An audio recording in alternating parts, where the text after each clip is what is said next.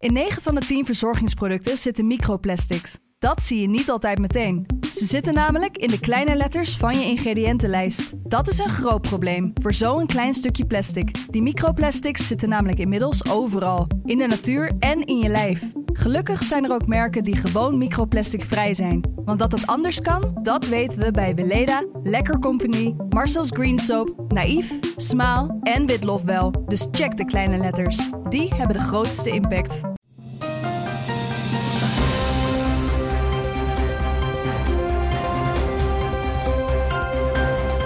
Dit is de Telegraaf podcast. Het land van Wierduk met Roel den Outer. Wekelijks analyseert onze verslaggever Wiert Duk nieuwsgebeurtenissen die hem bezighouden. Mijn naam is Roel den Outer, internetchef bij de Telegraaf. En het is vandaag donderdag 17 januari. Aflevering 14 alweer van onze wekelijkse podcast. Wiert, ik zag je bij, ik zag je bij Jensen en zo'n welkomstapplaus krijg je zelden. En afscheidsapplaus ook. Ja, dat waren hardcore fans.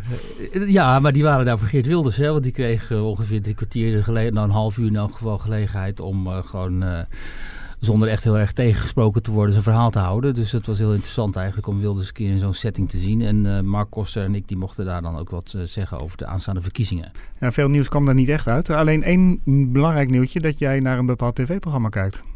Ja, maar ik wist helemaal niet wat voor tv-programma dat was. Dus ik zei eigenlijk maar wat. dat ja, was nou, wel grappig, want die Jensen die vroeg van wie kijkt hier naar... Adam, Adam en Eva, Eva Vips. Ja, en niemand in de zaal had gekeken. Dus toen zei ik van, ja, jij dan heb ik gekeken. Dus maar ik dacht, jij hebt jouw kandidaat gesteld. de, ja, nee. Het, maar toen zei Jens dat het wel een goed idee is als ik dan volgend jaar meedoe. Maar dan moet je dus in je blote kont ja, ergens dus ik, uh, ik was al ja. benieuwd. dat, gaan, dat gaan we niet doen.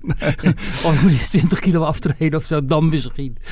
Ja, oké. Okay. En ik ga ook niet naar Talpa. Dat, uh, dat was ook het gerucht ging dat Rutte ook naar Talpa gaat. Nee, maar ik keek al uit. Nou, Adam zoekt even in Vips.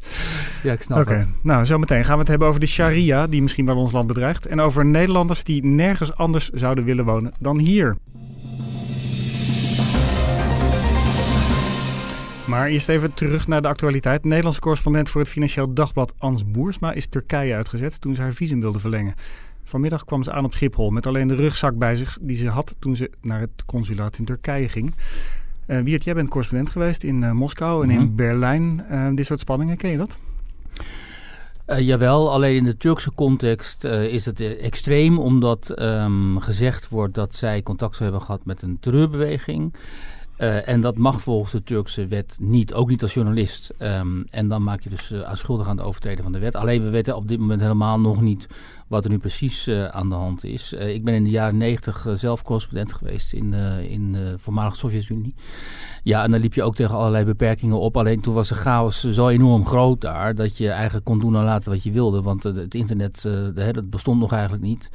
Dus je kon eigenlijk gewoon verdwijnen en maar hopen dat je niet tegen een of andere overeigen ijverige ambtenaar of soldaat of wie dan ook opriep, opliepen om die jou dan ging arresteren. Maar um, de risico's waren destijds wel heel groot hoor. Bijvoorbeeld, uh, we waren hier onderweg naar Budjonovsk. Dat was een stadje in het zuiden van Rusland waar het ziekenhuis was. Um, bezet door uh. Dat was ten tijde van die Tsjetsjense opstand.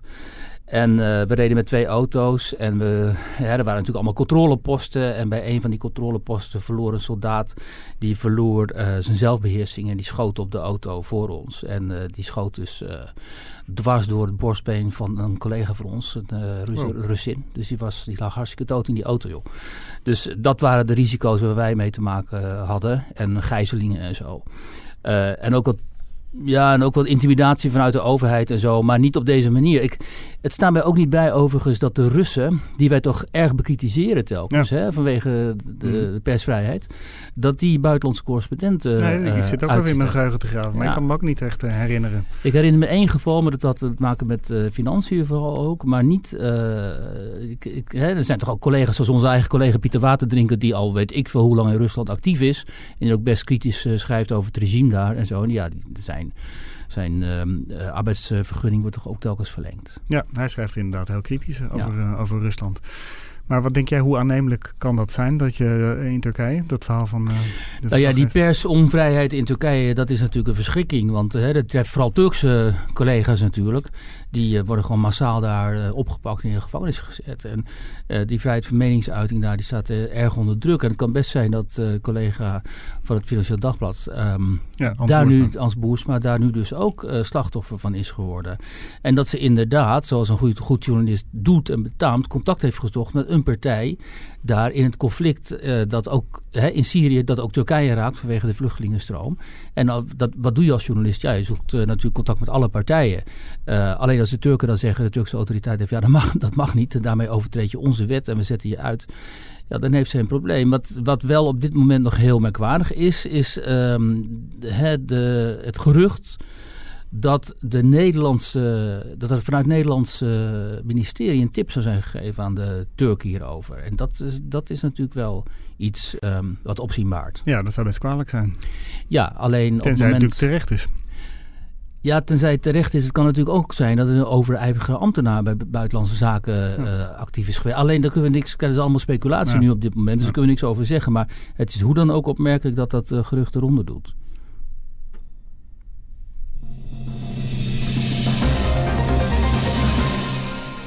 De Cairo-verklaring. De meeste mensen hebben er nog nooit van gehoord. Het is getekend door een paar landen: Jordanië, Kirgizië, Palestina, Marokko, Albanië, Azerbeidzjan en Turkije. Die hebben hem bijna 30 jaar geleden getekend. Ja, nog meer islamitische landen, maar deze landen ook. Ja. Oké, maar ja. er is gedoe over. Wat is er aan de hand? Uh, nou, Pieter Omtzigt is uh, Kamerlid, uh, actief Kamerlid voor de, het CDA, zoals we weten. En die houdt zich erg bezig met um, de sharia in Europa. En ook in Nederland. Um, omdat hij ziet, hè, we weten allemaal, dat is een parallel rechtssysteem. Dus de islamitische ja. wet. En in een aantal landen die ook het Europese Verdrag voor de Rechten van de Mens hebben ondertekend, geldt ook uh, de sharia. En dat wil hij dus, uh, dat, dat, dat wil hij weg hebben. Hij wil die, um, dat alleen dat Europese Mensenrechtenverdrag. Uh, maar dit zijn allemaal landen buiten Europa, aan de rand van Europa. Nou, maar dit zijn, moeten wij ons zorgen gaan maken dan? Omdat ook in West-Europa, met name het Verenigd Koninkrijk, zijn sharia-raden Hè? Die gaan over erfrecht en um, huwelijksrecht. Ja, ja Daily Mail die, die Daily Mail schrijft er regelmatig over. Dat, dat, het er aardig uit de hand uh, loopt. Precies. Daar zijn dus uh, hey, in het Verenigd Koninkrijk hebben dit soort zeg maar, religieuze raden. Geldt niet alleen voor, voor islam hoor, maar ook voor uh, andere religieuze stromingen. Die hebben op gebied van erfrecht en familierecht eigenlijk vrij veel bevoegdheden. En nu hebben wij dat in Nederland niet. Hoewel de katholieken en de joden dat in Nederland trouwens wel hebben. Uh, maar die sharia-raden hebben we nog niet. Maar het is wel degelijk zo dat bijvoorbeeld um, uh, er gevallen zijn waarin uh, moslims um, gehuwd zijn voor de islamitische wet, dus onder de sharia. En ook onder, weliswaar onder ons reguliere recht. Um, maar op het moment bijvoorbeeld dat dan een scheiding plaatsvindt, dat de man zegt: ja, maar we zijn niet gescheiden, want we zijn nog altijd getrouwd volgens het islamitische recht. Wat voor veel moslims eigenlijk boven het reguliere recht staat. En, heel veel mensen in Nederland die weten dat helemaal niet. Daardoor raken vrouwen, moslima's, uh, gevangen in een huwelijk dat ze helemaal niet meer uh, willen. En daarom is het zo belangrijk dat uh, Pieter Omtzigt hier gelijk krijgt. En dat inderdaad gezegd wordt: joh, die sharia in Europa, dat willen we niet. Want het is een parallel rechtssysteem. En dat onderdrukt vrouwen. Dat kan vrouwen gevangen houden in huwelijk. Ook bovendien benadeelt het vrouwen in het erfrecht. Hè, want het is vooral een kwestie van erf- en familierecht. Uh, dus daar moeten we een uitspraak over hebben. Dus dat is heel goed dat Omtzigt um, dit doet. En het is ook goed dat het een keer duidelijk wordt. Daarom wil ik ook aandacht aan besteden in deze podcast. Dat die sharia, die vaak wordt geassocieerd met strafrecht en met stenigingen ja. en handen afhakken en al die shit en zo. Dat geldt maar in heel weinig islamitische landen. Het is helemaal niet zo dat in die islamitische wereld daar overal universeel dat die sharia en de strafrecht geldt. Het gaat over erfrecht. Precies, maar het gaat vooral over familiekwesties, erfrecht en zo. En dat moeten wij niet importeren. En omdat de islam nu eenmaal een steeds grotere rol speelt in West-Europa en ook in Nederland, importeren wij ook die gedachten over recht, die ideeën over uh, recht en ook uh, de sharia dus in zekere zin. En het is heel goed dat daar een uh, uitspraak over zou komen.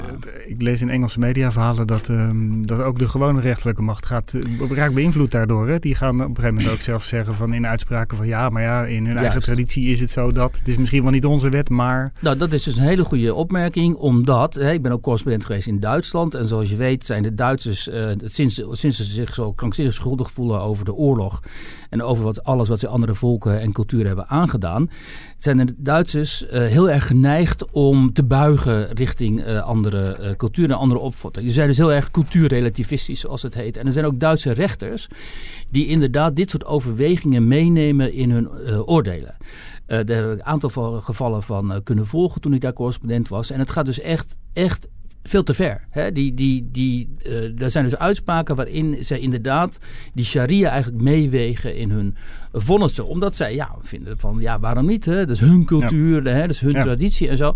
Nou, en iemand als Omtzigt, die zegt gewoon heel nadrukkelijk van, moeten er niks mee te maken hebben. Hier geldt gewoon Europees recht, ons recht. En dat uh, is hier uh, Oké, maar ik hoor, ik hoor Engeland, ik hoor Duitsland, dus iets weer eens dichterbij. Maar ik hoor nog steeds geen Nederland. Nou, als, je, als ik jou vertel dat ik gevallen ken van polygamie in Nederland, waarin een man gewoon meerdere vrouwen heeft en met één vrouw volgens burgerlijk recht is getrouwd en met die andere vrouwen onder islamitisch recht. Hè, en die, uh, die wonen dan in verschillende huizen en krijgen ook uh, uh, toeslagen. Maar is dat mogelijk? Als jij volgens de islamitische wet wil trouwen, dan moet je vanmorgen een imam bestellen bij jou thuis. Je neemt je vrouw mee, je neemt getuigen mee. Je spreekt, wat, je, je spreekt uit hè, dat je onder de islamitische wet wil trouwen. En klaar is Kees. Dus dan, dan ben je dus getrouwd onder de islam. Oké, maar en, uh, dan krijg je gewoon een huis van de gemeente? Nee, van de gemeente krijg je niks, want de gemeente erkent alleen het burgerlijk huwelijk. Alleen die vrouwen, op het moment dat zij zeggen: joh, ik heb genoeg van jou, hè, ik wil weg, dan zegt de Nederlandse wetgever die zegt: ja, je bent vrij om weg te gaan, want je bent niet getrouwd onder de burgerlijke wet. Hè. Alleen die man die gaat zeggen, en die familie van die man gaat zeggen: Ja, we zijn volgens de islam getrouwd. Dus je kunt helemaal niet bij mij weg. Je kunt pas bij mij weg als ik jou verstoot. En je moet niet onderschatten hoeveel vrouwen, ook hè, vanwege de, de, de immigratiestroom die sinds 2015 op gang is gekomen, hoeveel vrouwen daarmee te maken hebben. Er zijn zelfs Nederlandse vrouwen die dan maar naar die Sharia Councils in Engeland gaan, zodat daar, om daar een imam te vinden die hun islamitische huwelijk dan uh, ontbindt, omdat ze dat in Nederland niet kunnen. En nu zijn er al uitspraken geweest, ook in Nederland, onder de Nederlandse rechter. rechter die heeft gezegd, ja, de hele islamitische huwelijk erkennen wij helemaal niet. Dus die man die moet gewoon van jou scheiden. Maar ja, niet elke vrouw is natuurlijk zo dapper om naar de rechter te stappen. Nee. Maar je kan hier wel zeggen, we, we verbieden de sharia-wetgeving. Maar zolang zij dit gewoon nog blijven doen, wat, wat kan je doen om dat af te dwingen? Nou, ja, wat kan om zich doen? Nou, hier, hier beschrijf jij dus helemaal wat een parallele samenleving betekent. Daarom is het ook onwenselijk om die parallele samenlevingen te hebben. Ja, ja, Het is ook onwenselijk om ze te importeren. En als je er dan eenmaal mee te maken hebt, zoals nu, die, die, is er. dan moet je dus gaan handhaven. Maar hoe in vredesnaam? Nou ja, door scholing, door onderwijs, door daar aanwezig te zijn in die wijken enzovoort. Door, door, door de hoop te hebben dat die vrouwen zich bij jou gaan melden en zo. Hè, waar partijen als Leefbaar Rotterdam en zo heel erg op inzetten. Maar ja, dat is voor heel veel opzichten natuurlijk ook een illusie. Dus het zal, we hebben hier nu mee te maken en dit zal blijven bestaan dus tenzij de jonge generaties uh, zich hiervan emanciperen. Dat hoop je natuurlijk altijd. Maar op dit moment uh, is een deel daarvan, althans, emancipeert zich juist niet. Ja, vroeger zeiden ze er één of twee generaties gaat eroverheen en dan is het opgelost. Ja, dat dacht je. En nu hebben wij dus te maken met een eh, tweede, derde generatie waarvan een deel, hè, het andere deel helemaal niet, maar waarvan een deel zich juist terugtrekt in de eigen religie en ook in de eigen wetten, regels en uh, wetten. En ja, dat is onze dagelijkse praktijk geworden.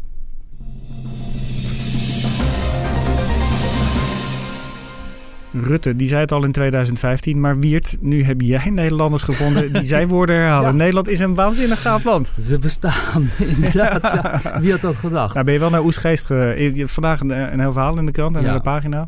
Je bent naar Oesgeest geweest. Ik begrijp, ik woon in, daar in de buurt. en daar wonen hele, hele blije mensen. Ja, dat, uh, dat, ja, een hele mooie nieuwbouwwijk in Oesgeest met mooie ruime huizen. En, um, en huizen van een wit wijntje. Precies, en daar wonen mensen die... Nou ja, even alle gekheid op stokje. Ik, uh, hè, ik krijg natuurlijk vaak het verwijt, uh, of vaak, ik krijg regelmatig het verwijt... jij je schrijft alleen maar over mensen die ontevreden zijn... en over die gele hesjes aantrekken, al dan niet. En die, hè, die altijd lopen te schelden en te klagen en zo. En nooit eens een keer over die meerderheid die eigenlijk zo tevreden en blij is met Nederland. Dus toen deed ik een oproep aan mensen van, nou ja, meld je dan eens uh, en, en, om te, te praten daarover. Nou, ik kreeg krankzinnig veel reacties. dus er zijn gewoon heel veel mensen die heel graag daarover willen praten. Maar zijn die niet allemaal door de VVD opgeroepen? Of, nee, want het is GroenLinks.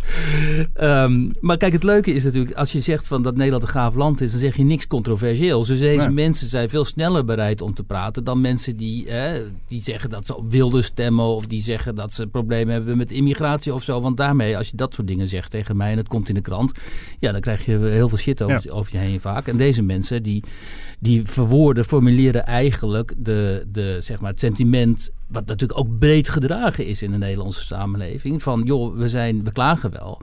Maar uiteindelijk is het natuurlijk een van de beste landen ter wereld. Hè, top 5 sowieso, altijd in alle opzichten. Um, en, dat, uh, en, het, nou ja, en daar vertelden ze dus over. Het is ook heel geloofwaardig. Tuurlijk, uh, hè, mijn beeld van Nederland is kinderen die door weer en wind op de fiets met, hè, met tegenwind van huis naar school fietsen in een groepje.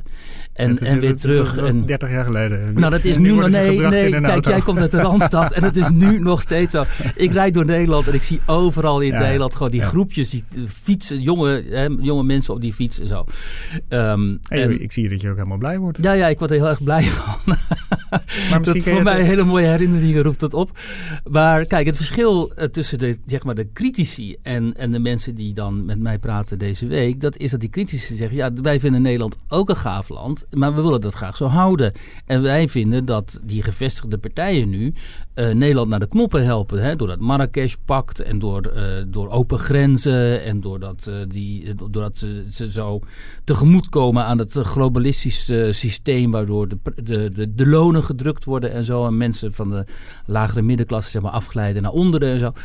Dus um, die mensen die zeggen vaak niet dat Nederland nou echt een waardeloos land is. Juist niet, maar ze willen dat Nederland, wat ze zo fijn vinden, dat willen ze behouden. En de mensen die ik dan vandaag in de krant heb, die, hebben, die kijken er anders naar. Die zeggen, ja, uh, we hebben de mazzel gehad dat wij hier in Nederland zijn geboren.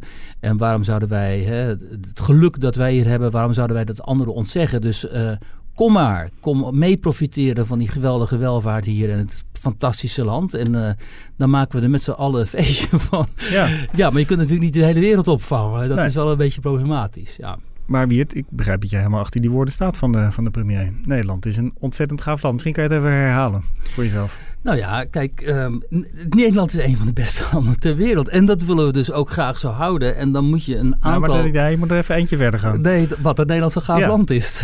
ik ga Rutte niet uh, imiteren hier. Maar uh, da da daarom is het dus des te verbijsterender eigenlijk... dat je alles wat je hebt opgebouwd... en dat hebben niet wij gedaan... dat hebben vooral onze ouders en grootouders gedaan... na de Tweede Wereldoorlog. Hè, met, uh, met die, de handen uit de mouwen gestoken. En er is krankzinnig veel opgebouwd in dit land. Dat je dat eigenlijk zomaar in een paar generaties, of in één generatie. Uh, nou, ik wil niet zeggen weggooit, maar zo op zo'n in de waagschaal stelt, zoals de afgelopen jaren is gebeurd. Dat zit mij heel erg hoog, ja. Zit je niet iets te veel te sombere? Nee, nee, want de sociale cohesie, hè, dat is ook gewoon wetenschappelijk onderzocht. Uh, als je heel veel migranten uit andere culturen binnenhaalt, dan, dan ondermijn je de sociale Cohesie, het is een feit dat al 40 jaar de besteedbare inkomens niet uh, zijn omhoog zijn gegaan. Het is een feit dat nou ja, al die dingen waar we het hier vaker over hebben, dat zijn gewoon feiten. En dan moet je beleid op maken. En je moet ervoor zorgen dat die grote meerderheid van de Nederlanders, dat die niet met die zorgen hoeft rond te lopen. En dat die denkt, ja, we hebben een overheid uh, en we hebben uh, leiders die er zijn voor ons en ons land. En ik zou je zeggen, je had het hier begonnen over Wilders bij Jens, hè? Ja. En Wilders die praat Jip en Janneke taal. En die doet allemaal wanleiden. Die zegt allemaal dingen die totaal niet uitvoerbaar zijn. Maar die mensen op die tribune die worden dus helemaal gek van enthousiasme. Omdat zij denken, kijk, die Wilders die zegt al die dingen wel. Die wij van die andere politici niet horen. En dan zou ik toch denken, dan zit er toch wel iemand bij het CDA of bij de VVD die denkt... misschien moeten die, die burgers ook eens wat vaker gaan aanspreken dan alleen in verkiezingstijd. Hè? Ja, oké, maar het is natuurlijk ook wel net weer even te makkelijk om dingen te roepen die toch niet uitvoerbaar zijn. En dan kan je wel een hele Ja, maar dat bedoel ik te zeggen. Kijk, nee, dat bedoel ik te zeggen. Wat Wilders daarop, dat kan niet. Maar je kunt wel in gematigde vorm die dingen zeggen. Ja. Je kunt wel gewoon zeggen van, joh, wij zijn er wel om de belangen van Nederland te, te, te, te vertegenwoordigen en te behartigen. En niet zozeer die van Brussel of Juncker of meneer Timmermans of zo. Weet maar wat denk jij dat in een gematigdere boodschap dat hij meer succes kan hebben, Wilders? Ja, ja, Wilders, kijk, Wilders, kijk, Wilders probleem is natuurlijk dat hij ook vanwege de druk der omstandigheden, omdat hij zo krankzinnig bedreigd is geworden. En, en uh, hij leeft in een totale bubbel natuurlijk, eh, met heel veel vijanden. Uh, dat hij zo geradicaliseerd is. Want anders had hij natuurlijk nog veel groter kunnen zijn. Dan, ja. Dus, ja. dus, maar het zijn standpunten die, die zijn gewoon voor een groot deel onuitvoerbaar. Dus, um, in nou, daar dacht die tribune heel anders over.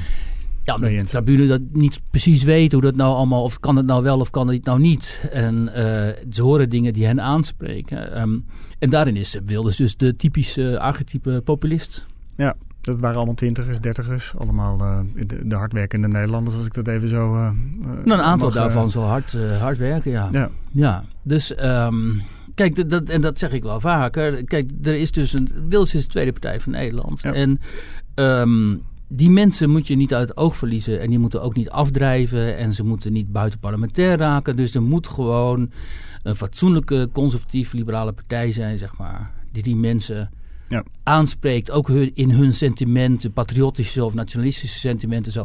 Al die dingen die moeten niet vies zijn. Zo voor, moeilijk hoeft het toch niet te zijn, zou je denken? Je zou het denken van niet. En misschien doet dat Forum voor Democratie dat nu. Alleen is dat ook niet altijd even duidelijk waar die voor staan natuurlijk. Oké, nou, ik ga het nog één keer proberen. Nederland is, is een ontzettend... Super, nee, dan moet je zeggen een super gaaf land. Hè? Dat is wat Kijk, nou, heeft, die heeft hij toch gezegd. Oké, okay, Wiert. Dankjewel. En ik uh, verheug me uh, op volgende week. Ik ook.